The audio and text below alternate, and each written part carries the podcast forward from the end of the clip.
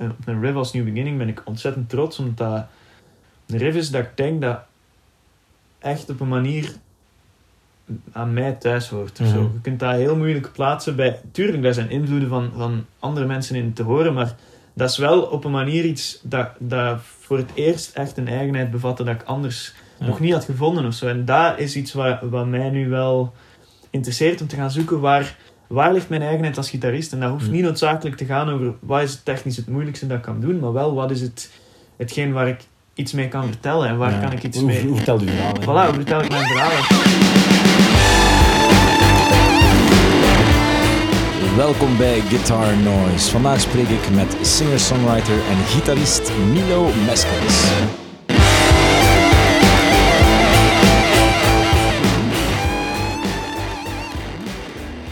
Alright, eh, we gaan eraan beginnen. hè. Alright, kijk. Eh, Milo Meskes, 22 jaar, straffe artiest met een straffe debuutplaat Contrast, waar toch, heel, allee, waar toch wel al wat singles op staan die serieus wat pot gebroken hebben. Eh, het zijn ook songs die hij zelf schrijft en inspeelt, waar gitaar toch wel de leidraad dit, is. Hallo.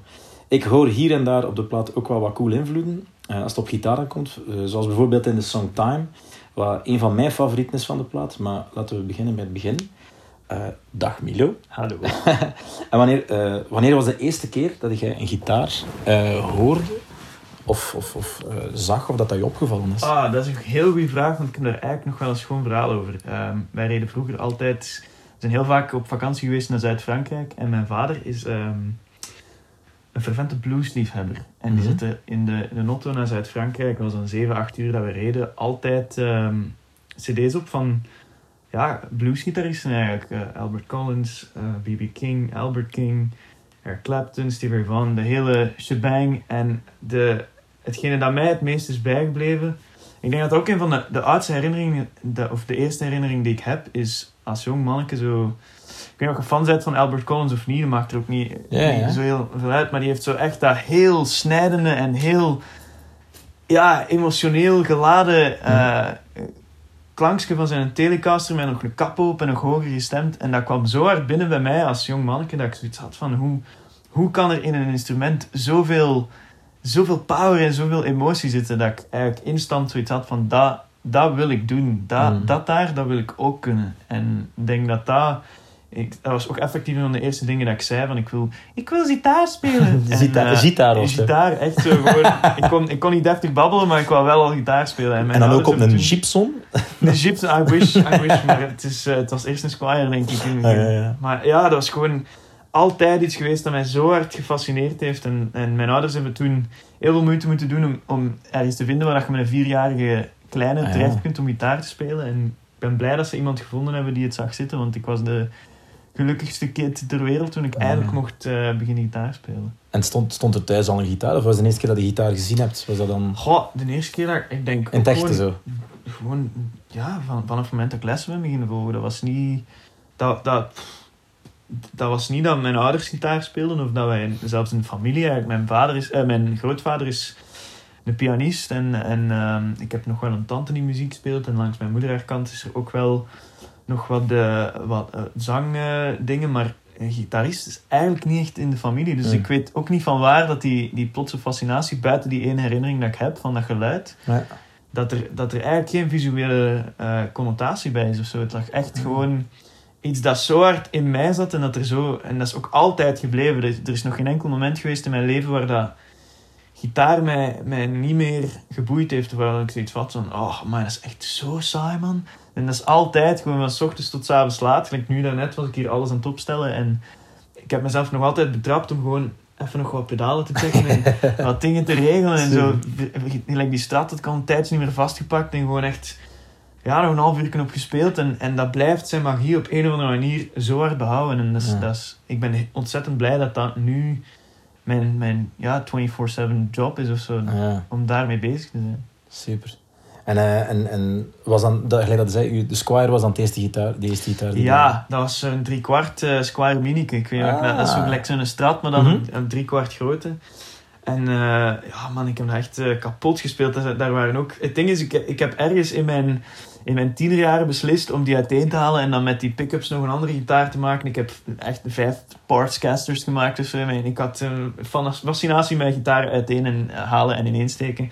Wat spijt genoeg geresulteerd heeft in het feit dat, dat ik nog wel zo wat onderdelen heb, maar dat die gitaar Op zich niet meer op zich niet meer bestaat. Met de body nog en al. ja, dat wel. Dus ik zou Ja, ze in principe kunnen restaureren, maar ja, het is allemaal zo verspreid aan, eh, aan dingen. Maar daar was zo op de pickguard waren echt gewoon gigantisch veel zo rode tekeningen van, van met een plektrum heftig heen en weer te doen en zo. Gewoon echt met, met superveel passie op die gitaar gerammeld, à volonté. En ehm, veel, veel goede tijden mee. Want dat is ook...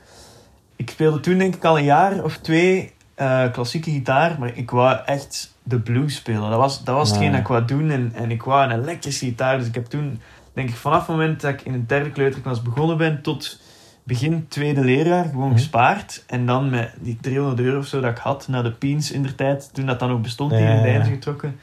En zo'n een, een, een kleine PV-versterker gekocht met dan die, eh, die Squire Mini. En ja, gewoon de, de gelukkigste... Ja, dat, de, het, het geluk van een kind kan hem echt in zo'n dingen zitten. Ja, van ja. twee jaar uitkijken naar die elektrische gitaar en dat dan eindelijk hebben. En ik kon er gewoon geen hol op spelen, want ja, ik kon alleen klassieke gitaar spelen.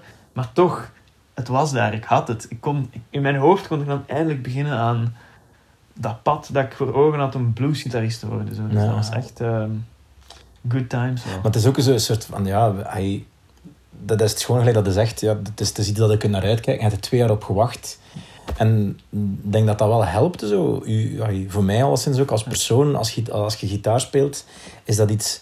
je- het stopt niet, hè. Je Nee. niet, het is niet van, Nee, en je hebt je eindpunt bereikt. Nee. Of je, hebt, eh, je bent nu dit, of je bent nu... eh, en je, ik weet niet, je kunt je beeld houden, of je kunt niet... Nee, het is, het is altijd... nee het en is, dat, eh, dat is ook hetgeen wat mij on- ontzettend, ontzettend eh, voor mij echt als een voordeel zie aan deze carrière. Ja. Is het feit dat je als muzikant kun je, ei- het stopt inderdaad nooit. En ik vind Nee. dat zo interessant als je bij wijze van spreken in een winkel begint en je begint als verkoper en je werkt je op tot, tot assistentmanager, tot storemanager, tot hoofdmanager van een hoop winkels en daar stopt het. Je kunt niet verder. Als muzikant stopt het eigenlijk nooit. En dat is een, een voor- en nadeel, want het stopt ook nooit als zijnde je moet je altijd blijven bewijzen, je moet altijd blijven keihard werken en, en op een manier zorgt dat ook dat je constant onder bepaalde druk staat. Ik snap ook waarom dat er in onze sector heel veel burn-outs zijn en heel veel mensen zijn die op een gegeven moment al die druk en al die prestatiedrang ook niet meer aankunnen of Mm. zo, omdat het ook gewoon wel...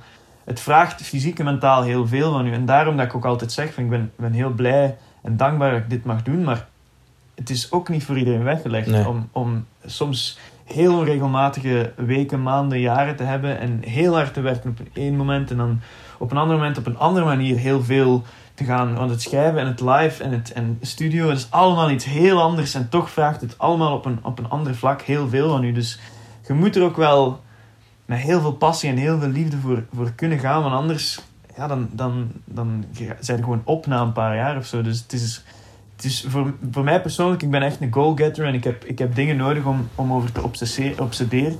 Obsederen? Obsederen, ja. Obsederen. ja, sorry, ik, ik had obsessie in mijn hoofd, dus dat was een, een vreemde... ehm, whatever. In, in ieder geval, ik heb dingen nodig om echt naartoe te werken en naartoe te kijken en over te obsederen. Want eh, anders vind ik, vind ik het leven wat saai of zo. Dus voor mij is dat persoonlijk heel goed, omdat Ja. mij dat op die manier eh, veel voldoening geeft. Om dan doelen te stellen, daar keihard voor te gaan, die te halen en het volgende te kunnen stellen. Mm. Zonder dat het is van, oh, je hebt het doel gehaald en dat is het. Het is zo'n beetje gelijk een hond met een stok en je, kunt de stok blijven Ja, gooien. ja, je kunt Voilà, blijven gooien, ja. Dus, eh, Maar je gaat hem gewoon op een andere manier gaan halen. voilà, het is dat, het is dat. Je vindt gewoon altijd andere stokken om te halen. Ik vond, dat, ik, vond dat, ik vond straf ook zo, ik heb ik, eh, vorig jaar het zeker. En dat deed mij ook heel veel deugd om dat te zien. Naar Guns N' Roses gaan kijken en mijn verwachtingen waren niet echt heel groot. En ik was dan gaan kijken en ik was echt heel hard onder de indruk. En gewoon ook op het feit van, dat ik had van, uh, Slage, je, je oefent. Ja. En dan Ja. dacht zo van, alright, ja, als een Ja. dien- zelf hij is nog altijd aan het... Aan Ah, wel, en dat vind ik ook zalig aan eh, heel veel... Ja, voor mij persoonlijk, een van mijn grootste helden is John Mayer. Dat is heel duidelijk, denk ik ook wel. Als je ja, dat hoorde in... Dat hoorde een halve seconde naar mij luistert, dan weten van, oké, die gast heeft goed naar John Mayer geluisterd. En maar ook, iemand... alhoewel, hey, gelijk dat ik zei, want ik zei, als ik u invloeden, ik vind, vind het cool dat hij van in het begin al zei van, ah, ik wil een bluesgitarist zijn. Omdat het daar in, dat, in een time Ja. Hoorde ik, hoorde ik dat heel hard, zo, dat je timing, dat die dingen... En het is heel bluesy allemaal zo. Ah, Ook in, wel. in de rest van die nummers zit er veel blues en zo. Absoluut, en dat heb ik ook altijd gezegd. Ik wil eigenlijk, want eh, ik krijg soms een beetje van, vanuit bepaalde hoeken wat het verwijt dat ik eh, te veel popmuziek maak of zo, of, of dat ik te duidelijk Dat commercieel kies. dat. Ja, en ik vind, ik vind dat eigenlijk ook niet, want uiteindelijk Ah, het, enige, tuurlijk. het enige dat popmuziek zegt, is dat het, dat het voor een breed publiek bestemd is. En ik ben eigenlijk heel blij dat, dat ik op mijn shows zevenjarige mensen zie en 70-jarige mensen zie. En dat die allemaal iets vinden in mijn muziek om, om ja, iets aan die muziek te hebben. Dus het is, het is soms wel spijtig dat ik zo wat verloren raak onder de term commercieel, want dat is het ook eigenlijk helemaal niet. Ik wou eigenlijk heel graag een, een eigen tijdse variant van blues maken. Want Mm. blues draait gewoon rond gevoelens Ja, en dat is hetgeen waar dat heel mijn muziek eigenlijk op gebaseerd is. Op, op authenticiteit en oprecht zeggen van... Wow, dit is wat er in mijn leven en in mijn hoofd en in mijn hart gebeuren is. aan het gebeuren is. En, ja. en daarmee dat blues op een, op een manier altijd de allergrootste invloed is geweest of zo. Maar qua sound wel op een andere manier verpakt. Ja, want goed, ik, ik vind dat dat op je plaat heel hard voelt. Textueel ook zo, gelijk dat het zegt, zijn bluesnummers. Ja, hè. ja, ja. I don't know you anymore. Like, dat is het pianonummer Voilà, natuurlijk. voilà, zo. dat is- ja. Maar dat, ze- dat Ja. zou evengoed een, een, een Ja. Muddy Waters nummer kunnen, titel kunnen zijn. Ze snap je? ik vind dat een heel mooi Ah, compliment. voilà, maar Ja. dat, dat doet er mij... Ik, ik, vond dat, ik vond dat heel cool, omdat zo van... En gelijk dat je zegt, popmuziek, uiteindelijk... Ja, ik vind ook vooral... ehm, ik- vind langs de ene kant geen, geen, ehm, geen belediging, in tegendeel, want het, het wijst op succes of zo, als je op Tuurlijk. muziek bent. Maar langs de andere kant vind ik ook wel... Er zit op mijn plaat hip-hop, er zit blues, er zit folk, er zit zelfs rock, er zit soul op. Het is ook wel wat korter de bocht om dat gehele plaatje te Mm. bestempelen als zijnde... Ah, pff, het is popmuziek. Want eh, Katy Perry is ook popmuziek. Eh, Taylor Swift is ook popmuziek. Die zijn al heel verschillend.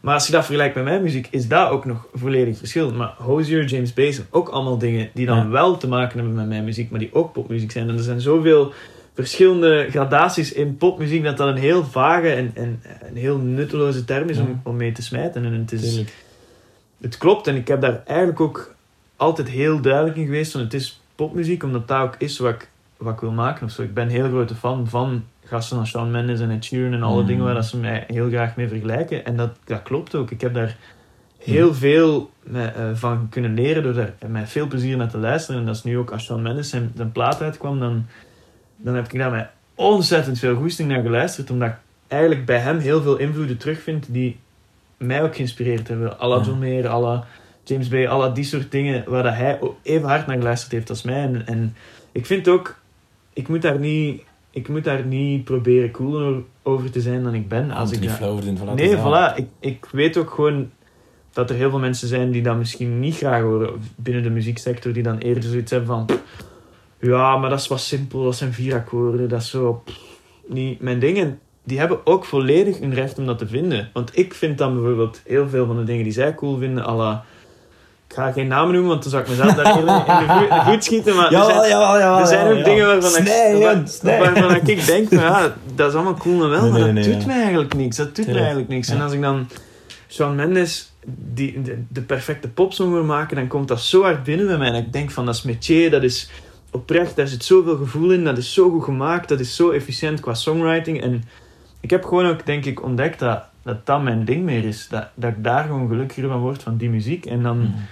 zijn er mensen die denken van, ja, pff, het is eigenlijk een bluesgitarist, maar hij maakt wat popnummers voor het commerciële aspect. Terwijl ik eigenlijk gewoon beseft heb dat de muziek dat ik nu maak, echt gewoon de muziek is die ik wou maken. Voilà. En waar ik echt gelukkig van word. En Ja, super. Dan, dan kunnen ze nog blijven, blijven janken over het feit dat het op heel brede radio's wordt gedraaid. Maar het is gewoon uiteindelijk muziek Ja. die uit mijn hart komt. En dat Voilà. is, dat is echt wel iets waar ik, wat ik geleerd heb dat gewoon het allerbelangrijkste is. Want er zijn ook momenten geweest waarop dat mensen mij gepusht hebben om dingen uit te brengen waar ik niet achter stond. Waar ik eigenlijk niet zo fan van was. En dat heb ik dan ook altijd heel bewust niet gedaan. Of, Hmm. of omgekeerd ook dingen waar dat... De laatste single die we uitgebracht hebben was echt meer een hip-hop gerichte schijf. En ik wou dat echt bewust doen. Ik vond dat zo... Ik was op die moment echt in die trip van hip-hop. En ik vind het nog altijd... Er is, er is zo een, interessante urban scene ontstaan in, in Vlaanderen en in België. En eigenlijk in, in de koerde muziekwereld. En ik was daar zo door geïnspireerd. En mijn, plaat, eh, mijn plaatfirma had zoiets van... Ja, we vinden dat eigenlijk niet... Zij zeiden dan, we vinden dat niet commercieel genoeg.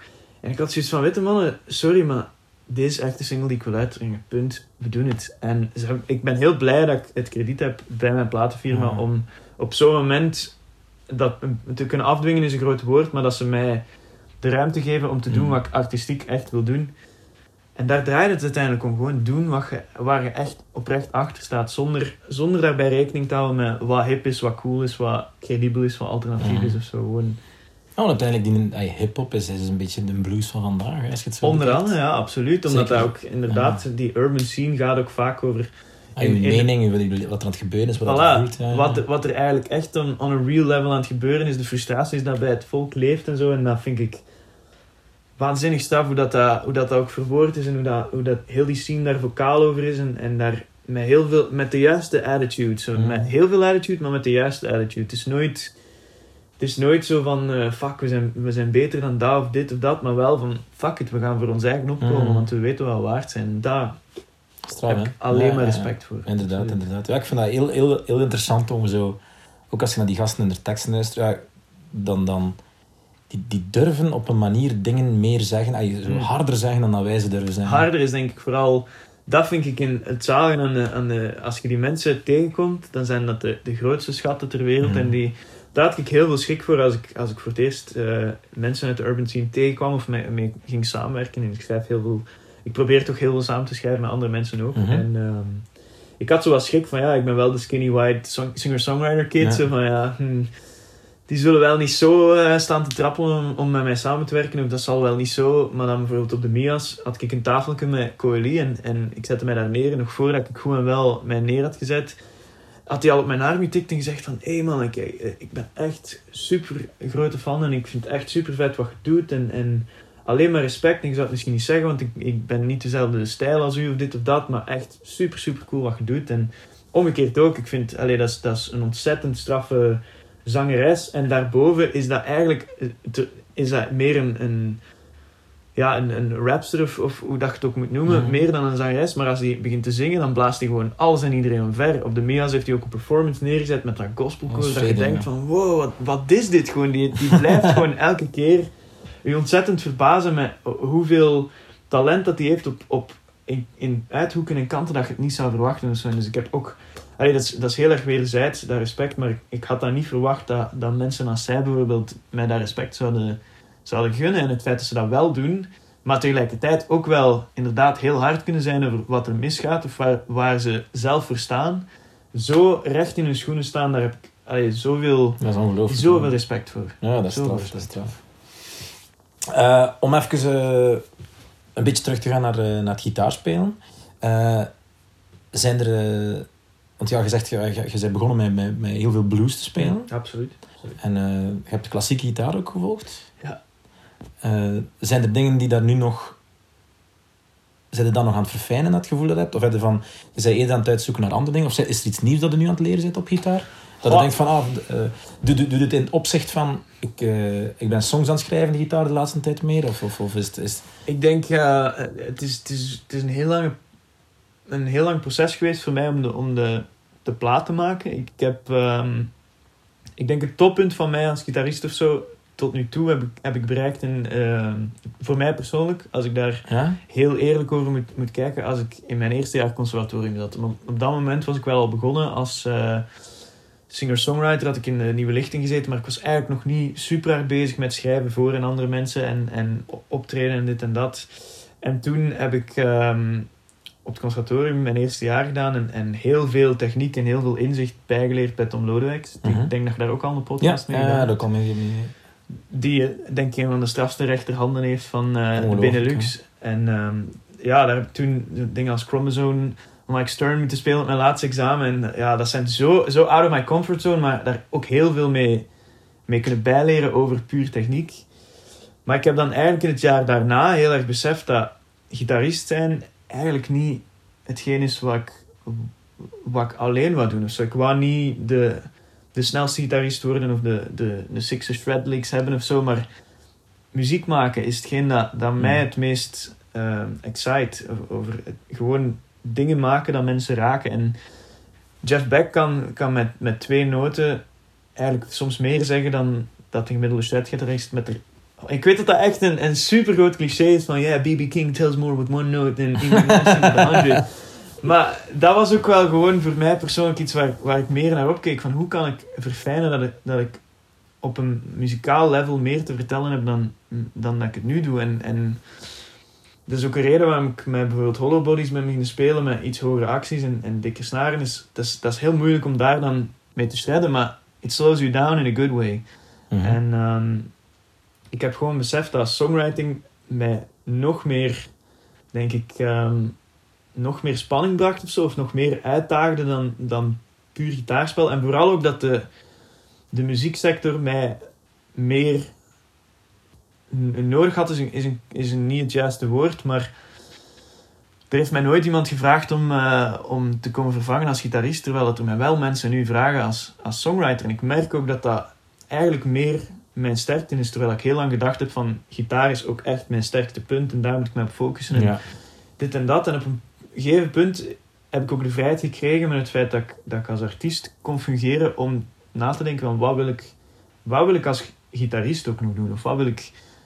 En daarmee, als je luistert naar mijn plaat, er zitten, er zitten zowel qua sound als, als qua partij dingen in die misschien niet technisch hetzelfde level zijn als Chromosome van Mike Stern, maar die wel Mhm. op een manier een bepaalde eigenheid hebben bevat die ik heel lang niet, niet kon vinden of zo. En, op een riff als New Beginning ben ik ontzettend trots, omdat dat een riff is dat ik denk dat echt op een manier aan mij thuis hoort. Of zo. Mhm. Je kunt dat heel moeilijk plaatsen bij... Tuurlijk, daar zijn invloeden van, van andere mensen in te horen, maar dat is wel op een manier iets dat, dat voor het eerst echt een eigenheid bevatte dat ik anders Ja. nog niet had gevonden of zo. En dat is iets wat, wat mij nu wel interesseert om te gaan zoeken waar, waar ligt mijn eigenheid als gitarist. En dat hoeft Hmm. niet noodzakelijk te gaan over wat is technisch het moeilijkste dat ik kan doen, maar wel wat is het, hetgeen waar ik iets mee kan vertellen en waar Ja. kan ik iets Hoe, mee... hoe vertelt u verhaal? Hè? Voilà, hoe vertel ik mijn verhaal. En op dat vlak is, het, is de, de focus denk ik gegaan van technisch aspect op gitaar als leadgitarist naar songwriting. En hoe kan ik gitaarpartijen interessant houden en hoe kan ik Mhm. ook in de studio, ik heb op mijn plaat alle gitaren ingespeeld zonder, zonder connotatie. Of, of ik, heb met Jo Frank samengewerkt voor productie en dat is een, een schitterende mens en die heeft Ik hoor, het, hoor het eerst... ook aan uw plaat, eh, zegt hij klinkt fenomenaal. Hij heeft dat echt schitterend gedaan. Ik, ben Mm. hem, ik, ik kan uren over Jo vertellen over hoe dankbaar ik hem ben. En ik heb dat misschien al net iets te veel gedaan, maar dat is echt een mens die mij, die mij ontzettend, ontzettend veel heeft geholpen. Met, met eigenlijk op een heel ehm, Socratische manier, met, met, zonder te vertellen wat ik moest doen, mij eigenlijk wel heeft geholpen te vinden Mm. wat, ik, wat ik moest doen. En ook in de studio was dat niet van, ah Milo, doe eens dat en dat en dat. Dat was zo van, ja, ik ga je opnemen en doe maar wat dat je denkt dat je wilt, dat je wilt horen op deze plaat. En dan was er gewoon echt soms vier keer opnieuw wat dingen doen. En dan hij van, ah oké, dat en dat en dat en dat was tof. Dus probeer nog een keer met dat in gedachten nog een keer wat takes te doen. En die heeft mij echt laten, laten vrijheid nemen voor het eerst in, in mijn leven. Waar ook op het moment dat wij begonnen zijn aan die plaat, was ik twintig, had nog nooit iemand mij de vrijheid gegeven om gewoon te doen. Om gewoon te Mhm. doen en zo van, kijk, je, je zult het zelf wel weten. En ik had zoiets van, oh shit, eh, maar joh, wat moet ik doen? Wat, wat moet ik doen? Ik weet het niet, zie maar. En in het begin was dat heel beangstigend om, om zelf te moeten beginnen partijen verzinnen. Want ja, ik had dat wel gezien hoe dat een Tom of zo dat deed op het conservatorium. Maar ja, ik was belangen niet op dat niveau. En niet alleen dat, dat is, hoe dat Tom dat doet. Voilà, exactly. En, en zo heb ik ook heel veel moeten ontdekken van hoe, hoe wil ik gitaarpartijen opvullen, hoe wil ik... Mm.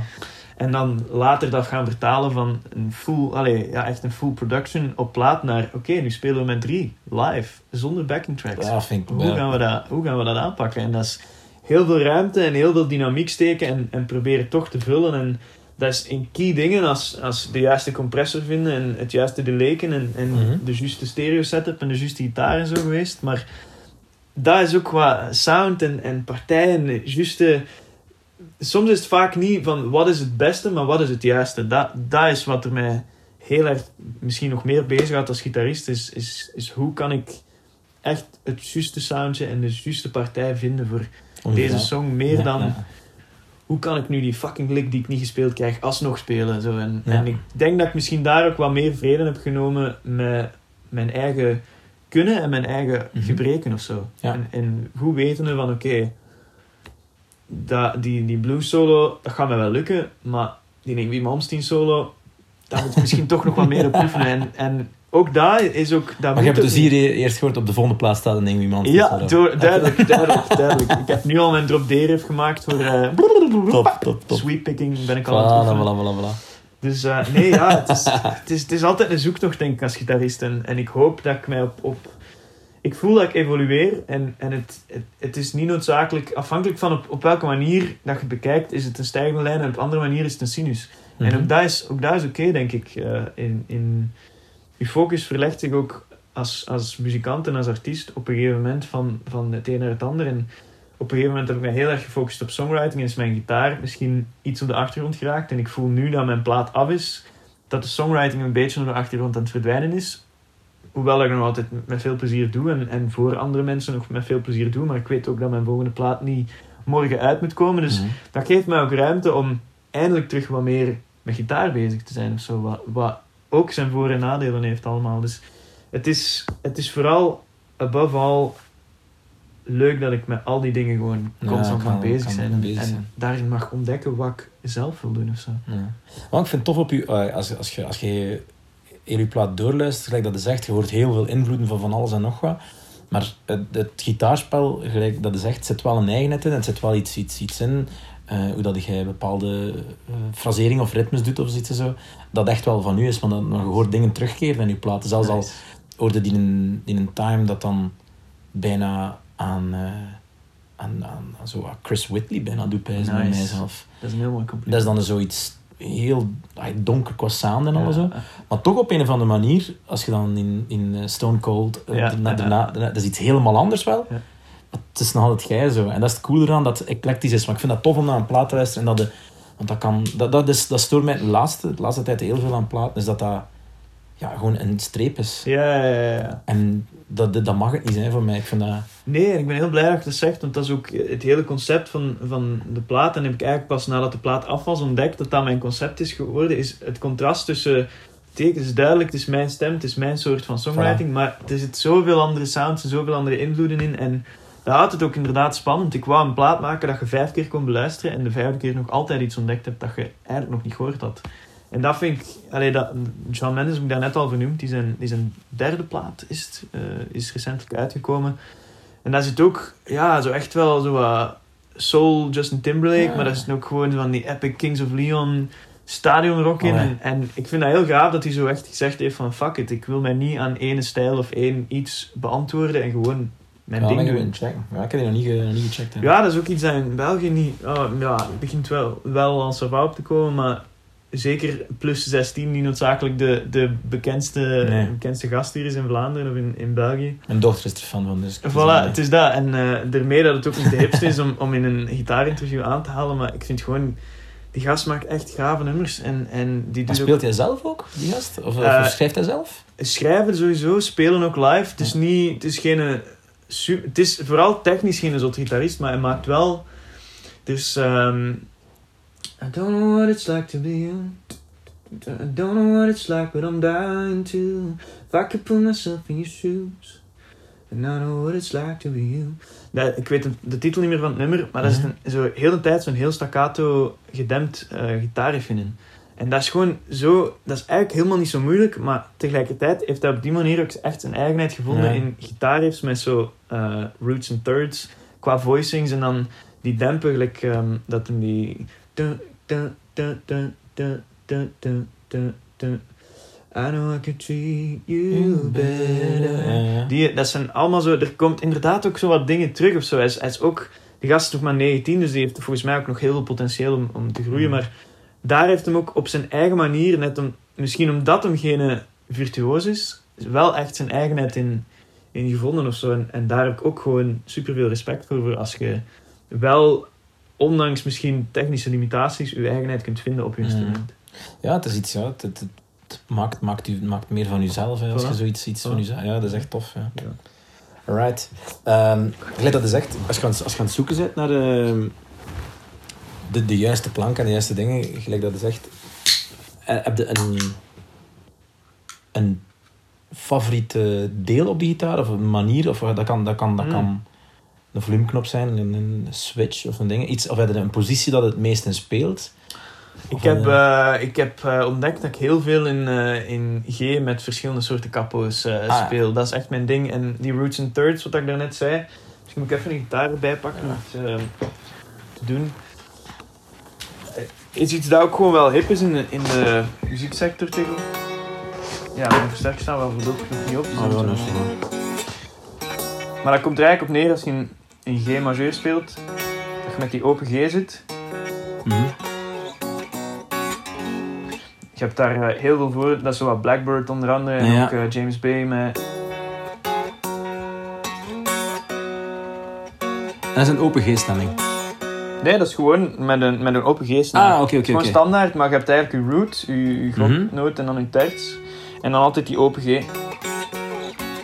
Maar je kunt daar heel de, Ja. heel de mee afgaan. Maar zo heb ik ook...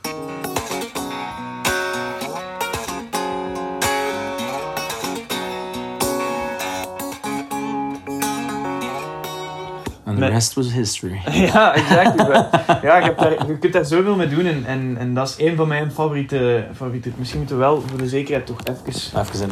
Even een, eh, een en ander sluiten. Of twee, ja. Stereo voor de win. Denk je dan? Ze zijn die toch eens gewoon opgesteld. Het is dat, hè. Het is dat. Ik ga sowieso ook wel wat, ehm, wat foto's Meepakken. maken van alles.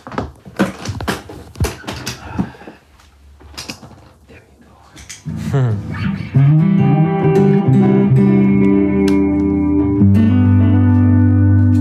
veel laag, precies. Even eh, fine-tunen. While we're at it. Weet wel. En je bent nu in stereo aan het spelen?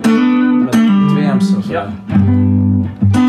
Ja, live speel ik meestal ehm door die in Rock En dan die basement die in 2x12 naar beneden staat. Mhm. Maar ja, die kreeg ik niet boven, dus ik heb even voor de zekerheid die. En eigenlijk is die morgen meer zo mijn... ehm toch niet in de studio veel gebruikt, omdat die gewoon klein is. En, en we hebben in een kleine studio opgenomen. Mhm. voor practical reasons meer dan eh, tonal reasons. En ehm, op tv en, en radio zo is dat heel handig, omdat ik daar Ja. gewoon een flightcase computer voor heb. Dus dat is gewoon binnenrollen, kapken af en...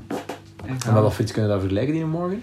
Dat is eh, een Princeton eigenlijk. Maar een Princeton met een beetje meer... Een beetje strakker laag, een beetje meer headroom. Zo wat pakken een 18 watt Princeton of zo. Ja. Dat soort het idee van een beetje groter, een beetje somewhere between Lux Reverb, Princeton en zo. Een beetje de beste boot. Want ik vind wel, een Princeton is in vergelijking met de, de grotere iets warmer, iets losser. En Ja. eh, vind ik zeker wel tof als je, als je niet te luid speelt en als je in een kleinere bezetting speelt, omdat ik een trio speel. Mhm. Wat eigenlijk heel onlogisch is, want als ik dan nu live speel, speel ik door een 35 watt Turok en een, een 50 watt Bassman in stereo. Dus dat is helemaal niet, dat is helemaal niet in het idee van een, een 12 watt Ja. Princeton. Maar Omdat het kan. ja, gewoon omdat het kan eigenlijk. Het is ook gewoon... Dat, Is dat is het hele ding, maar ja, Ja. ik, ik, ik hou gewoon van de sound ervan en ik, ik moet het ook altijd in- en uitladen, dus het is, het is ook wel gewoon mijn eigen schuld of zo dat ik dat, dat, ik dat, eh, dat, ik dat doe, maar het, is, het maakt me gewoon gelukkig als ik dan op dat Ja. podium sta en ik, ik zie die daar staan en ik gewoon een, een goede leken daarop, of eh, ah, zoals ik was sound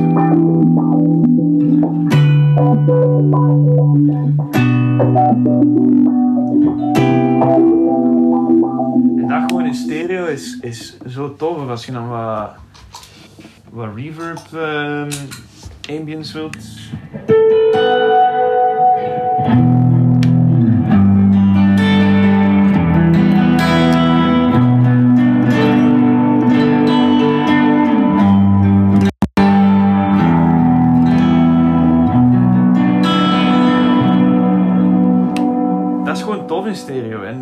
Dat, dat, is- dat is eigenlijk ook het, e- de enige uitleg dat ik eraan kan geven aan dat patsergedrag van een stereo setup. Het is Ja. gewoon tof. Ja, ja, het het maakt mij gewoon gelukkig als ik het zie staan en als ik erop kan spelen. En dat is op dezelfde manier dat, dat ik deze meepak. En, en Is dat je eh, main guitar? dat is definitely the main one sinds ik, eh, sinds ik die heb. Ik heb er wel ook... ehm, het, het is wat is het de duurste, de duurste dat ik ooit heb. ehm, het is ehm my Pride and Joy. Dat, dat zit hier. Het is een, een Gibson ES330 uit ehm, 1964.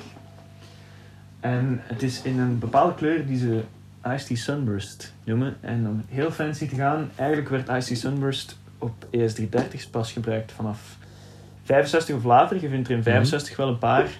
Vanaf 66, 67 tot eh, 72, dan zijn die gestopt met, eh, met gemaakt worden. Ik vind er wel wat meer, maar ik heb nog nooit een in 64 gevonden. En ik heb, Ja. ook, ik heb die gitaar meegepakt naar Londen, in, eh, in Denmark Street, in een paar Je winkels. hebt hem in Denmark Street gekocht. Nee, eigenlijk niet. Ik heb hem ergens in, in, in Holland gevonden. Ehm, dat was echt zo op Marktplaats of zo, op Facebook. Dat was, ik zag dat staan ik had zoiets van... Die, die zei, ja, dat is een, twee, een 62, zeker. Maar een 62... Ik ben een beetje te veel een nerd op vlak van, van oude Gibsons. En ik, heb- ik heb daar ook met, met mensen al discussies over gehad. Van, oh, oude gitaar, is toch allemaal de moeite niet, en dit en dat. Maar, again, ik word er gewoon gelukkig van, dus ah ja, why voilà, not? voilà, voilà. Maar oude Gibsons, of toch 330, eh, in 62 hadden plastic covers in plaats van nickel covers. Ja. En ehm, geen double line tuners, maar single line tuners. En deze heeft double line tuners. En ze zien er wel uit alsof ze origineel zijn. Dus ik had zoiets van... Something's up with this guitar. Of, of, ofwel weet die gast echt gewoon niet wat hem heeft. ehm, ofwel is er iets loes mee. Het serienummer is inderdaad 62 tot 64. Maar je moet altijd wel kijken bij oude Gibsons met serie. Ja. En, en dingen... Dus ehm, die gast is toen helemaal naar België gereden, naar hier. Omdat hij toch in Antwerpen of zo moest zijn vanuit Noord-Holland. Met die gitaar. En... ehm, ja, dat gecheckt. En, en ja, die, de body shape is ook vanaf 65 zijn er, zijn de horens iets puntiger. En zo. Again, ik ben echt een veel te grote nerd daarover, maar alles klopte gewoon en, en gewoon alles ook gecheckt. Maar je hebt En geluk, het is een, een, gitaarpodcast. Hè, dus, eh. Ah wel, het is dat. En ik heb dan achteraf ook met mijn, met mijn luthier gecheckt en, en ja, de- gewoon, het, kan, het is geen refin, dus het is ook gewoon de originele. Ik dacht misschien, ja, is het een, een latere refin en is daarom dat, dat deze, deze finish is op, op Ah, super cool gitaar. maar het moet dus even, ofwel is het een, een prototype, ofwel is het een custom order, ofwel is het gewoon echt een van de eerste, tot misschien de eerste of oudste 330 in die kleur. En dat, dat maakt eigenlijk weinig uit, want 330 zijn niet de. Ik heb nog een 335 uit, ehm, uit 1970, die dat Zo'n eigenlijk. walnut is dat, hè? Dat is een walnut, ja. Ja, ja. super Die dat eigenlijk meer collectible guitars zijn, de 335's dan de 330's. Wel minder vanuit dit jaar dan uit de 64, maar bon, again, too much nerding.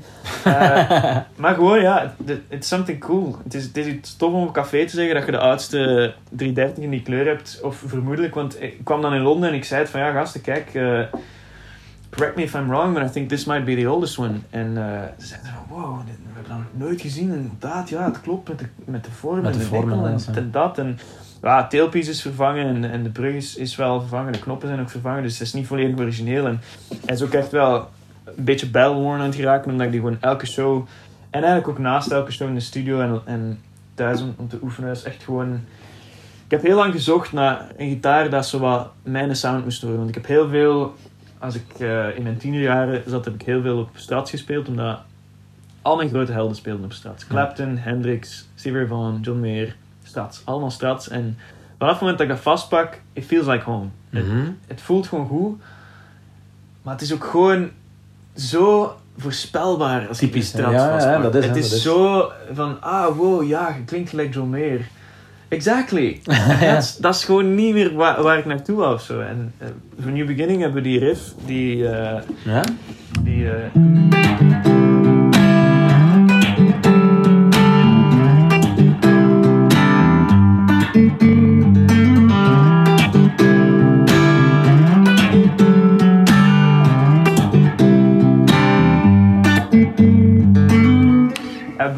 we eerst met een akoestische gitaar en dan gedubbeld met een 335. Niet een die, want de, degene waarmee we dat gedaan hebben, heb ik eigenlijk ingeruild om de deze te kunnen kopen. Because shit's expensive, man. Tuurlijk dat. hè. Eh, en eh, het ding was, ik kwam dan live en ik, had, ik, ik heb dat geprobeerd. Eerst met een Telecaster die riff te spelen. Ah, didn't work. Alleen een akoestische. Ah, didn't work. 335 came close, maar het miste zoiets van... De, er is een heel specifieke attack aan akoestische gitaren dat je met een solid body of zelfs een, eigenlijk een, een, een gewone hollow body, eh, semi, semi-hollow, eigenlijk niet vindt. Omdat die op een manier, die lucht dat daaronder zit, is, maakt zo iets meer dynamisch is misschien niet het juiste woord, maar het is wel, het is wel denk ik het woord dat ik zoek of zo. Het is, Ze hebben iets minder sustain, maar elke, op, op een of andere manier komt het verschil tussen... komt zo wel nog extra door in, in hollow bodies. Misschien net omdat die zo weinig sustain hebben en zo weinig compresseren of zo. En op zo'n riff, waar dat je echt heel duidelijk Ja. gaat, gaat beginnen... Percussief, Ja, percussief bijna, werken, Ja, ja, ja, ja. je bijna het- is, het is bijna slapen dan. Ah, wel, een beetje wel eigenlijk. ga. als ik het nu zo zie spelen en je hoort het zo, zou je niet denken dat het zo hard ingespeeld is. Nee, voilà, en toch, toch, is, het, toch is het echt een Ik heb het ook zo hard ingespeeld in de studio. Ja, gewoon dit. Exactly.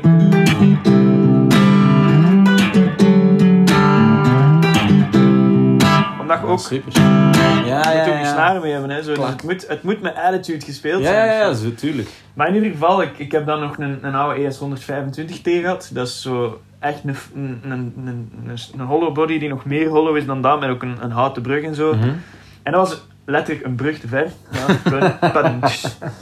Want dat, dat klonk dan zo echt heel, heel akoestisch en heel ja, bluesy en, en net iets te, te mottig of zo. En dan heb ik deze gekocht. Eh, en daarvoor heb ik een, een, een 335 dat ik had moeten inruilen en eh, nog wat andere dingen moeten verkopen, because shit's expensive. Maar fuck, dat is gewoon Ja. zo thuiskomen. P90's ook. Hè. Dat P90's, is- dat is- dat is- exactly. Het heeft een, het heeft een, het Exactly. heeft een ding en het heeft een Exactly. van... En het is, het is ook dat, en het, het zit in alles. Het zit in de P90, het zit in de, de hollow body, het zit in de snaren hoog genoeg zetten, het zit, in, het zit hem in alles eigenlijk dat je moet, de kleine details, terwijl dat, dat mensen denken, van, ja, pak gewoon een telecaster en je klinkt exact hetzelfde. En nee, Nee, nee, nee, het is ook een kwestie van superveel dynamiek zoeken in de P90's en de hollow body en dan toch een compressor erop gebruiken. Wat- je zou denken van, ja, dat, dat is helemaal gewoon geflipt, dat je, dat je zo hard zoekt naar dynamiek in je gitaar en dan de first thing in line, letterlijk, is, Is een compressor. voor de boel plat te duwen. Voilà, en da, da, ook daar het draait hem niet om, om dynamiek in volume, maar dynamiek in input. In, in, eigenlijk is het verschil nu tussen dit, wup, qua volume heel weinig, maar Ja. qua toon wel heel veel. Terwijl dat door die compressor helemaal niet zo... En doe ik eens zonder de compressor? Ik zal een keer die riff spelen zonder Ja. compressor.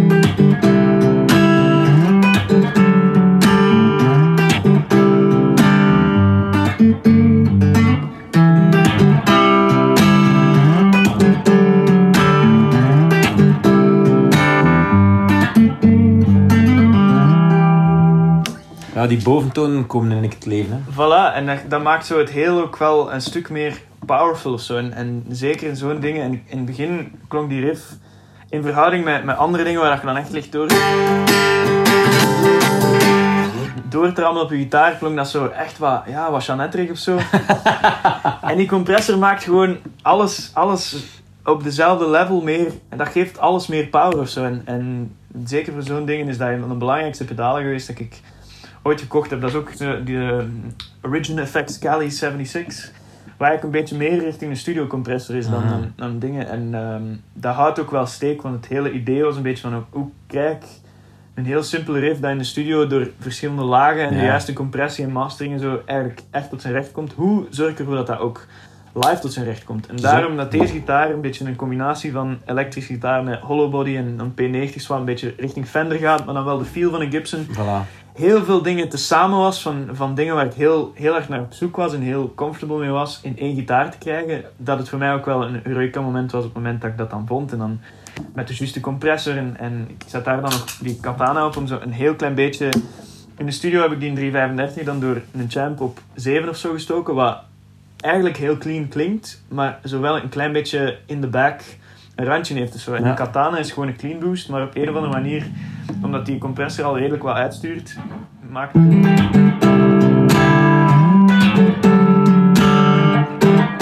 Heeft daar een randje je hebt een klein beetje een randje en je, je hoort het niet, maar je voelt het. En daar, heel veel van de pedalen die ik heb, het gaat over, En dat is gewoon een clean boost. dat is gewoon een katana, een clean Ja. katana, eigenlijk een clean boost. Je, je hebt daar wel een, een overdrive mode op, die dat...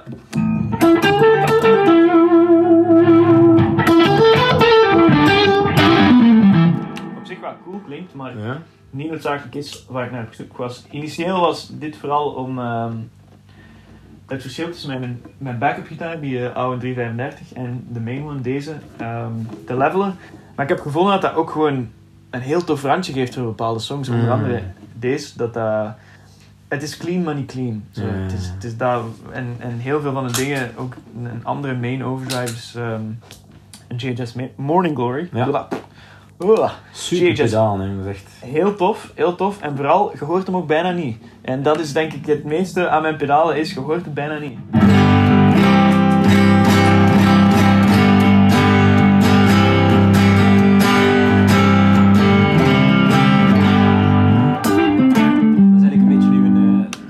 Zonder het nasale de dingen eigenlijk. Het is een beetje een tube screamer.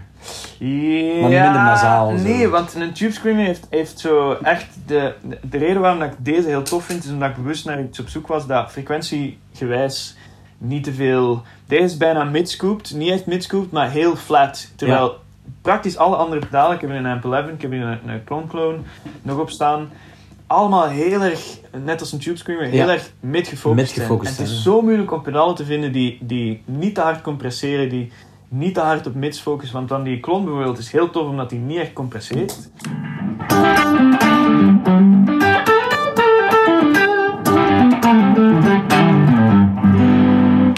Maar dat is zo mid-rangey dat je dat gewoon vanaf het moment dat je daarop stapt en je bent niet le- lead aan het spelen, is het gewoon zo hard in de weg van de vocals Ja. dat dat gewoon niet tof is. Dus daarom dat die Morning Glory heel erg plezant is om mee te spelen, omdat die eigenlijk niet superveel mids toevoegt. Een Ja. beetje, een beetje in hoogmids. Maar dat past wel omdat ik heb een beetje meer een baritonstem, dus dat, dan, dat zit wel lager in, in het geheel en dan past dat, dan, dan kan dat nog wel zo. Ja. Ook daar heel bewust op zoek gegaan naar, naar wat past. Ja, je zit echt ook in je mix te zoeken naar het Voilà, en, effect en, en, alles. dan, Ja, voor- als ik wel lead moet spelen, dan wel die extra mids gaan zoeken. En- En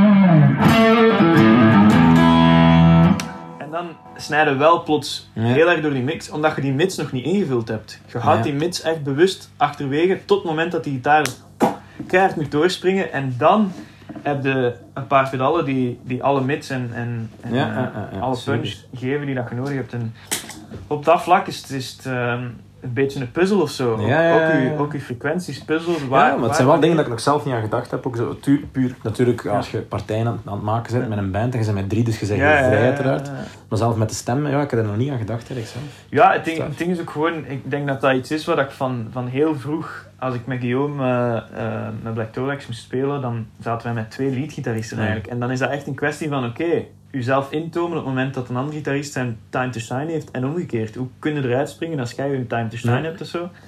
En dat is heel, heel erg, ik heb toen eh, heel veel met een DC-drive gespeeld, dan in, in bijna mid-scoop qua, qua overdrives, maar eigenlijk heel flat. Dus, dus helemaal niet die, die mid-bump van een Tube Screamer. En dan daarachter een Tube Screamer met een beetje meer volume. En vooral echt die mids dat gewoon keihard doorknallen. Wat dat je dan als effect hebt dat je tijdens je rhythm parts heel flat zet en heel veel ruimte laat voor zowel de stem als de andere gitarist als het moet. Ja. En dan tijdens je leadpartijen echt met die mids kunt doorknallen. En dat is gewoon ook altijd iets dat mij heel erg is bijgebleven. Again, dat zijn zo, uw eerste bands, dat zijn echt lessen die je voor de rest Ja. van je leven bijhoudt. Over, over hoe dat je met het publiek moet omgaan, hoe dat je met bepaalde situaties moet omgaan. Als je probleemoplossend moet denken omdat er geen PA is of zo, wat dat we daarnet hebben besproken. Maar ook zo'n dingen als hoe, hoe pas ik in het frequentiebereik van, van de mix of zo. En, en dat soort dingen waar, waar dat je heel erg mee bezig bent. Ook als je bijvoorbeeld ehm, extra reverb of extra delay, dan zit het ook wat verder in de mix. Dus dan moet je dat op andere manieren soms ook compenseren. En, en dingen als je wat meer compressie toevoegt, dan zit het ook iets harder in de mix. En zo dat soort dingen Mhm. rekening houden met hoe wil ik dat deze song klinkt qua gitaar en hoe wil ik dat in verhouding met andere instrumenten. En, eh, en op dezelfde manier dat ja, als je toetsen speelt, dan heb je ook presets per song en dan moet je ook die sound en op die manier. En ik vind dat interessant. Ik, ik, ik zei het, ik ben above all things gewoon een gigantische guitar nerd. Ja, ja. En ehm, ik vind het ook zalig om daar tijd voor te nemen en, en een, een hele setlist te programmeren met, met alle songs in. En, en daar echt gewoon per ding een, een sound voor te maken. En daar, als je daar dan staat op dat podium en, en alles klopt qua sound en alles klopt qua mix. En, dan zijn je ook gewoon zo vrij en dan is dat zo voldoeninggevend om, om met die, die dingen dat je allemaal... Je hebt er allemaal tijd in gestoken en als het dan tot zijn recht komt, dan is dat echt... Het is gewoon een leuk moment. Het is gewoon- again, it's all about having fun. En, en dat is voor mij heel erg met... Ja, het gaat over perso- persoonlijke smaak natuurlijk ook. Hè. Dat, kan, want dat vind ik ook altijd maf om op iemand anders zijn setup te spelen. Hoe raar dat dat soms aanvoelt. Mhm.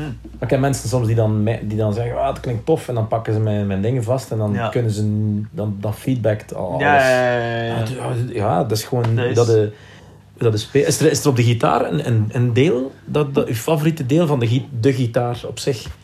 Mm. Gelijk de, als je zo, wat vindt het schoonst of wat? wat, wat dat is, Dat is een heel goede vraag eigenlijk. Ehm, ik denk één, één ding wat mij wel altijd is... En ja, ik ga een beetje verliefd klinken, want dat is ook wel echt bij deze gitaar. Ik ben er ontzettend verliefd op. En, en dat is ook de reden waarom ik voor het eerst in mijn leven een gitaar heb. Ik heb eh, echt wat dingen verkocht sinds dat ik die heb. Gewoon omdat ik... Ik denk dat ik er nog altijd 15 of 17 heb of zo. Dus eigenlijk veel te veel, maar ik speel 90, 90 à 95 procent van de tijd gewoon op deze. Studio, Ja. live, thuis, songwriting. Deze is echt gewoon mijn soulmate of zo. En, en vandaar dat alle comments dat ik erover heb zijn allemaal echt heel, heel verliefd. Dus eh hou er alsjeblieft rekening mee. In ieder geval, hetgeen dat mij echt wel opvalt... Het is niet weird. Het, is, niet, niet nee. weird. Ze slaapt niet naast mij in bed. Maar eh, nee, hetgeen dat ik altijd heb, er, is, er zijn een paar songs waar ik ook lead speel op die gitaar. En dat zijn voor mij de vrije momenten in de set. Het moment Ja. dat ik echt gewoon niet moet zingen en mag rondkosten op een podium en, en gitaarsolos mag spelen, dat is gewoon... Dat is echt mijn moment waar ik misschien nog wel het... Ja, voilà, ook gewoon echt aan niks meer moet denken. Niet van, oké, entertainment, je bent een show aan het geven, de volgende song, je moet eh, dingen switchen op je pedalboard, op je vocal dingen, je moet alles klaarhouden en zo. Dus, dus er is heel veel in mijn hoofd bezig tijdens een set en dat verdwijnt allemaal op het moment dat ik gewoon een solo mag spelen. Omdat dat echt een moment is van muzikale creativiteit waar alles gewoon even ruimte laat voor juist dat. Juist emoties vertalen naar gitaar. En een van de dingen die mij heel erg is opgevallen is... Er is altijd wel een moment tijdens, ehm, tijdens een van die solo's dat ik naar mijn gitaar kijk en naar mijn headstock. Mhm. En er is iets dat mij altijd ontzettend geïntrigeerd heeft aan Gibson headstocks en dergelijke. En dan zie ik gewoon... Dat is een oude gitaar. Dat is een, een, een 313 is altijd een van mijn droomgitaren geweest. En dan, dan denk ik altijd van... Fuck. Dat is gewoon... Ik mag daarmee spelen. Ik mag op een podium staan voor mensen. Ik mag gitaarsolo spelen. Op deze gitaar, dat eigenlijk een beetje een van mijn droomgitaren is. Dat ziet er zo goed uit. Ik ben zo gelukkig dat ik het mag doen. En dat is altijd zo even een moment van... Ah, fuck. Ja, ja, ja. Die Ik kan head- niet, ik kan die niet headstock, die, headstock doet er in de krijg gewoon eens naar kijken als je ze vast hebt. En dan naar dit. Gewoon op het moment, zet ze op je... eh, ah, en dan hier naar kijken. Dat is, op een of andere manier vind ik dat zo schoon eruit zien. Hoe dat, dat, je ziet dat dat zo wat versleten is. En die nek is ook echt wel wat, Ja, het is, wat het is, het is- ingespeeld of zo. En, en er is iets daaraan dat gewoon op een of andere manier esthetisch mij echt... eh Super, ja, ja. Het geeft ook zo, ja, het, gelijk dat je zegt, het is een oude gitaar. voilà. Het heeft de leven gehad en zo, en het is het Mhm. leven aan het verder zetten bij. Hè. Voilà, en dat vind ik ja, ontzettend cool. Je weet niet... Je zet dat verhaal van die gitaar aan het verder zetten. Voilà, zo, en je weet ook niet wat het verhaal ervoor is of zo. En op een of andere manier heeft dat, heeft dat ding meer te vertellen dan dat ik ooit in mijn leven te vertellen heb. Dus dat is... Ja, van waar komt ze? Wat heeft ze allemaal meegemaakt? Ik weet dat ze... As far as I know komt ze... De vorige eigenaar was een Amerikaan en dan is dat via Amerika in een winkel in, in Nederland geraakt. Dus het is ook al zo wel... Het heeft echt nog wel een, een, een verhaal gehad bij een actieve muzikant en zo. Ik weet het fijne niet van, maar gewoon het spreekt zo tot de verbeelding om... Ook ja, als je die daar ziet, al die krakelés zo op de, Ja. op de finish van boven, je ziet gewoon dat die gitaar gebruikt is geweest. Dat daar zoveel mee gespeeld is. Dat daar zo... En Clapton heeft daar ooit iets heel mooi over gezegd. Van, als ik op zoek ga naar gitaren, dan neem ik nooit degene die er, die er proper uitzien. Want dat wil zeggen dat er niemand op wil spelen. Ik neem altijd Ja. degene die kapot gespeeld zijn, want dan weten dat het een goede gitaar is. Ja, ja, En ik vond dat zo... It all makes sense of zo. Deze gitaar is echt... Tegenwoordig is dat natuurlijk lastig met al die relics. Good point. Good point. Ook nice is dat... Ja, deze is gewoon... Je moet geen relic kopen als je, als je een goed gebruikte oude gitaar koopt. Nee, dan nee. is er gewoon... It just looks like that. It's real, it's honest, it's authentic. Dat is gewoon, ja... Ja, en moet, moet, moet voor u aanspreken. En dat is, eh, Voilà, en dat is ook gewoon gemerkt dat bij gitaar gewoon instant of dat het, of dat het iets is of niet. En dat, dat was bij deze heel erg. Dat dat gewoon... Ah, fuck, ja, dit, dit, dit is het gewoon. Speelde anders gitaar op, eh, op, op elke gitaar? Of schrijfde andere nummers op eh, elke gitaar? Of, of- allebei, allebei. Ah. Zowel spelen als... het spelen is mij eigenlijk heel vroeg in mijn gitaarcarrière, om het eh cru te stellen. Ik denk Mhm. dat ik zo 15 was en dan een maat van mij stuurde van... Wow, dat is echt sick. Ik heb hier zo drie partscasters gebouwd en ik speel op elke Stratocaster gewoon volledig anders. En die, ja, dat is no die, die vond dat gelijk perfect normaal. Maar ja, dat is toch logisch? Elke gitaar heeft toch een andere ziel of zo. En dat is, dat, dat is mij... Ja, dat, dat, dat is mij zo bijgebleven dat elke gitaar... Ermee, als, als deze ooit zou kapot gaan in, in een car crash of weet ik veel wat, dan... Tuurlijk, je kunt gewoon een andere kopen en, en je kunt een, exact hetzelfde model, gewoon een 330 kopen en allemaal goed en wel. Het gaat nooit hetzelfde zijn. dat gaat nooit hetzelfde zijn. Mhm. Gewoon omdat elke gitaar op een andere manier tot u spreekt. En ik heb ehm, een paar dagen geleden op mijn show voor het eerst voor een bepaald nummer die andere gitaar is gebruikt, just the heck of it. Ja. En dat, was, dat was een compleet andere beleving, terwijl Mhm. dat eigenlijk helemaal niet zo'n verschillende gitaren zijn of zo. En dat dat, dat, dat perfect mogelijk is, was het toch van, wow, oké, dit is gewoon echt een volledig andere beleving van deze song. En dat, Dat was is, nou, Ja. ook zo gewoon, nou, daar zat dan een stuk lead in en, en dat was gewoon... Toch een ander nummer, hè? Voilà, dat was gewoon echt een ander nummer. Dat is en dat, is, ja, dat, is, dat gewoon crazy hoe- hoeveel dat gitaren gewoon wel, wel uitmaken of zo. En, en hoe dat jij speelt, of hoe, Ja. anders dat die u doen worden op het moment dat je die vast hebt. Dus, eh, Ja, ik snap dat volledig. Ik snap dat volledig. Ik, heb ook een, een, een- ik speel altijd op mijn Les Paul, met een Gibson en mijn effect. En dan heb ik ook ene keer een, eh, een nummer gewoon geswitcht, omdat ik het niet had, een tele, met een tele vastgepakt. Hè. Dat is een heel heftig nummer en je begint dat dan te spelen. En dan denk je dus keer, oh jong, dat snijdt echt super hard door de mix nu ineens. ja, ah. En dat is iets helemaal anders qua vibe nu daardoor. Dat Dus- is zeker ook allee, het verschil tussen humbuckers en single coils en zo. Ja. Dat, want ik, ik, ehm, ik had een backup voor deze nodig en dan heb ik, dan heb ik die in 335 gekocht omdat ik het niet over mijn hart kreeg om nog eens zoveel geld aan dezelfde gitaar te geven. Omdat ik zoiets had van ja, het is al helemaal absurd dat ik zoveel geld aan één gitaar heb gegeven. Laat staan dat ik dan exact dezelfde nog eens koop. Dus ik had toch iets anders in dezelfde lijn. En dat is een 335 met ehm, humbuckers. En dat was gewoon zo'n andere wereld. Dat ik echt heb moeten... En uiteindelijk wat ik ermee gedaan heb is... ehm, ik ga het even gewoon Ja, bovenhouden. Ik ga die even naar u geven. Ja. Is ehm a, a little tone tip for all you guitar nerds out there. Is ehm, als je humbuckers hebt, die hebben twee rijen pole pieces. En één daarvan ehm kun je aan draaien. Die zit uncovered. Ehm, en wat je kunt doen is, ofwel kunnen ze volledig uithalen, maar dan heb je wel een heel zwak signaal en, en heel weinig laag. Maar wat je ook kunt doen is eigenlijk een beetje mismatchen. Dus de, bijvoorbeeld je, je pick-up zelf wat hoger zetten. Mhm. En dan die pole pieces van de ene kant keihard indraaien. Wat ik dus gedaan heb bij deze. Ah, dus eigenlijk uw dingen erin gedraaid. Ja, volledig ingedraaid. Waardoor dat je eh, ja, een beetje een mismatching hebt tussen die twee rijen van pole pieces. Waardoor dat je eigenlijk een beetje het effect hebt van als je er zou uithalen. wat Als je ze er volledig uithaalt. Sorry als ik te veel doorheen aan het babbelen ben. Nee, nee, maar nee, nee, nee, zeg maar. Als je die rij, één rij pole pieces eruit haalt. Dan heb je eigenlijk een beetje een single coil met een dummy coil.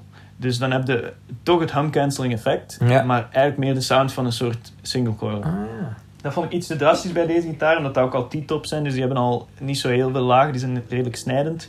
Wat wel tof is als je P90's gewoon bent, maar toch. Want deze hier, als ik nu ah, een vast heb, heb je er ook een beetje ingedraaid. Of is dat niet? Dat is heel bewust, omdat je, je kunt de P90's niet hoger of lager doen. Ah, dus die heb ik er een beetje, oké. beetje ingedraaid om meer dan toon eigenlijk volume te matchen. Ehm, Ah. maar ja, daar kan ik ook nog van alles over zeggen, over die, eh, die gitaar. Maar in ieder geval, als je dus je, je nekpik een beetje te donker is of zo, bij een humbucker gitaar kun je je pick-up wat hoger zetten en kun je je pole pieces wat meer indraaien. Of omgekeerd, je pick-up lager zetten en je pole pieces een beetje meer, een beetje hoger Mhm. uitdraaien. Waardoor dat je een beetje dat effect hebt van een single coil met een dummy coil, maar niet zo drastisch, omdat ze wel nog altijd mismatched zijn. Dus je hebt vooral dan de hoogste rij coils, Ja. maar je hebt ook nog altijd wel die andere. Terwijl als je ze er volledig uitdraait, dan heb je dat niet. Dan, Dan heb je geen magnetisch veld meer. Of eh, zoiets. Ik ken er de, ja, ja. de praktische uitleg niet van.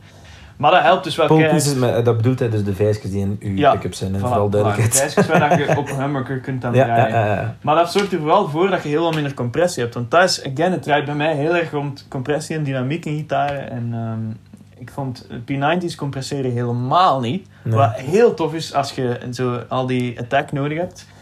En humbuckers compresseren keihard. Dus ja, je moet daar wel mee oppassen als je dan van het een naar het ander switcht. En deze truc om dus een beetje de, de pole pieces te mismatchen.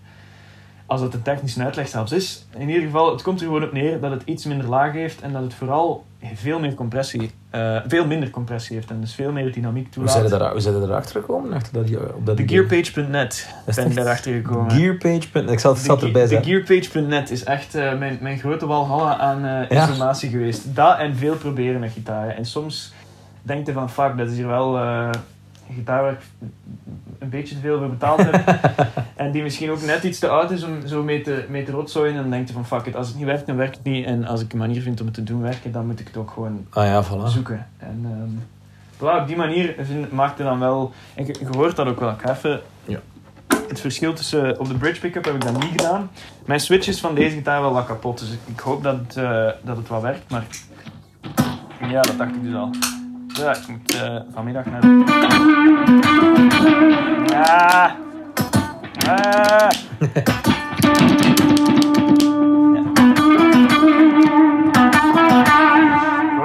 En dat is heel subtiel allemaal, maar je hoort wel een beetje...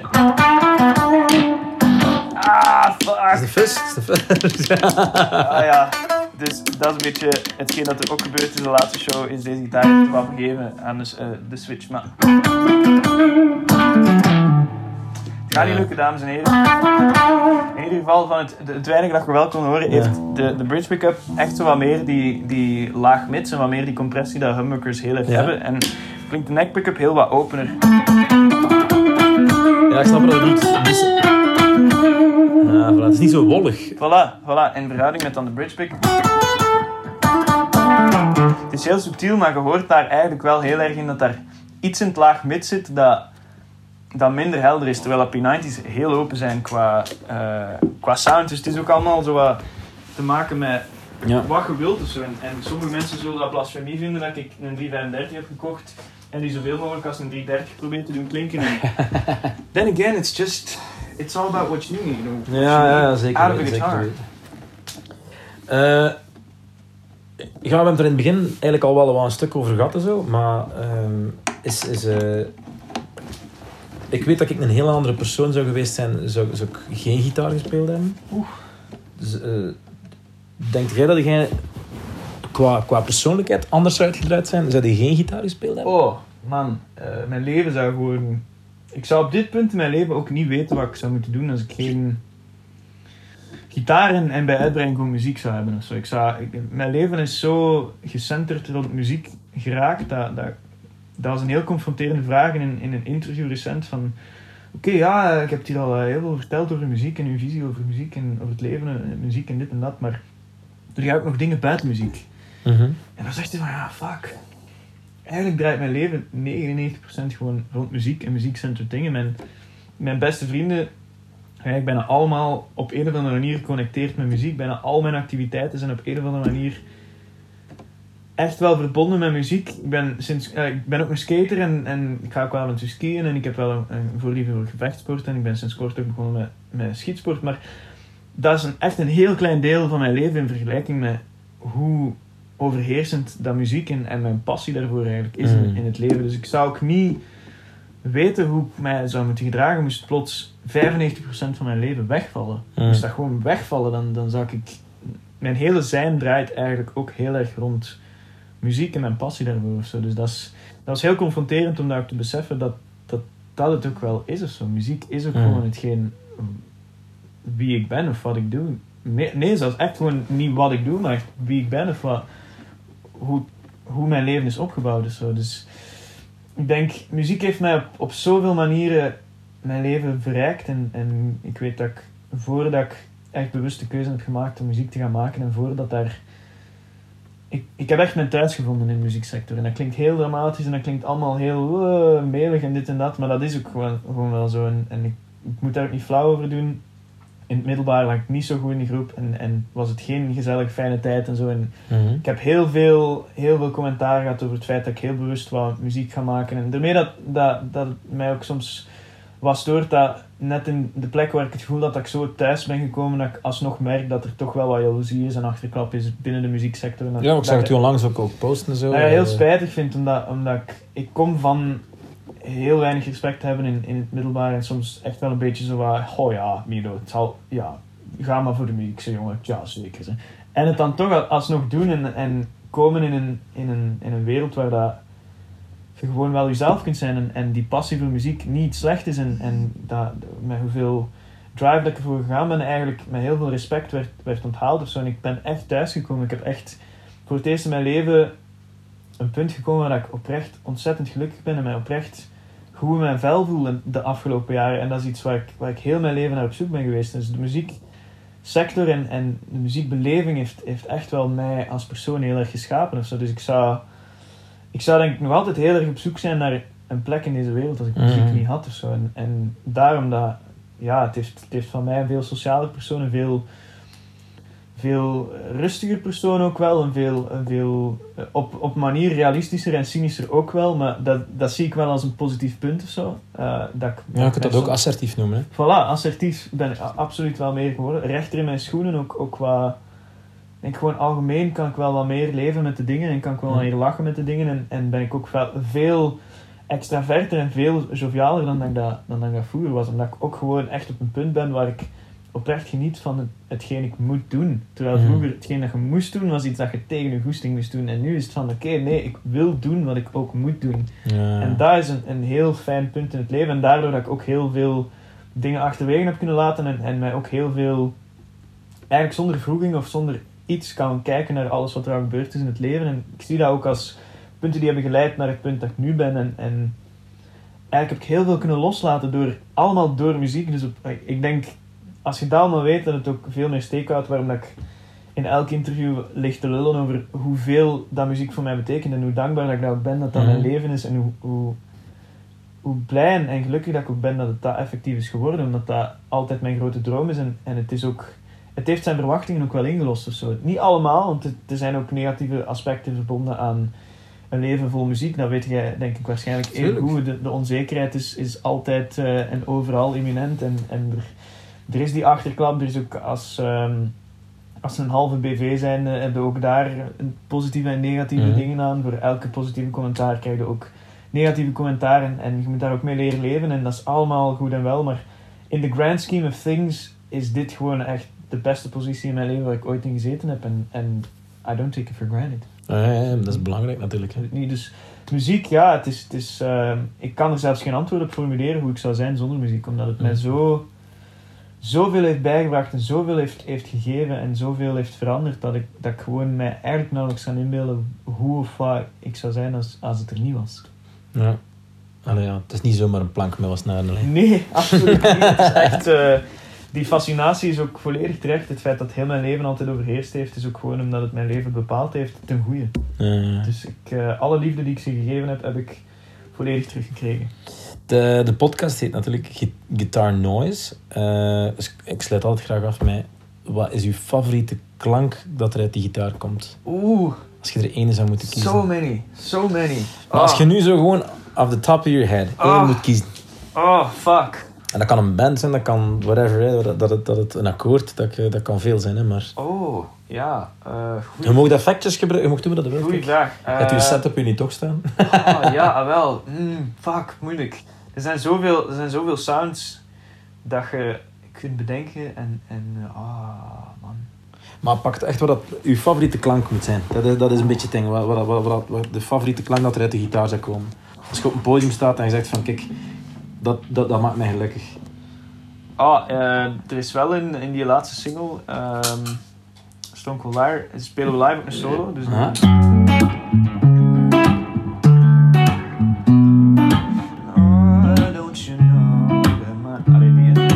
Oh, een moment, en ik begin die solo ook altijd op dezelfde manier, en dat is gewoon...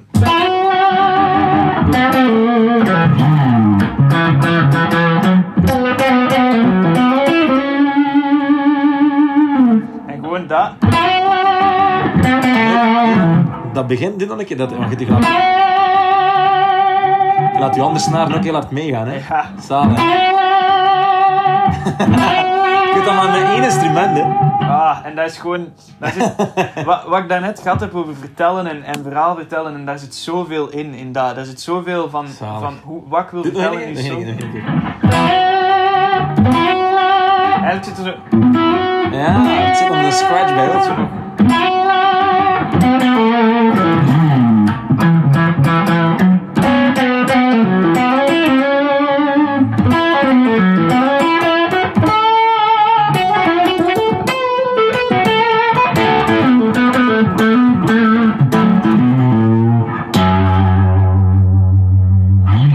Alsjeblieft.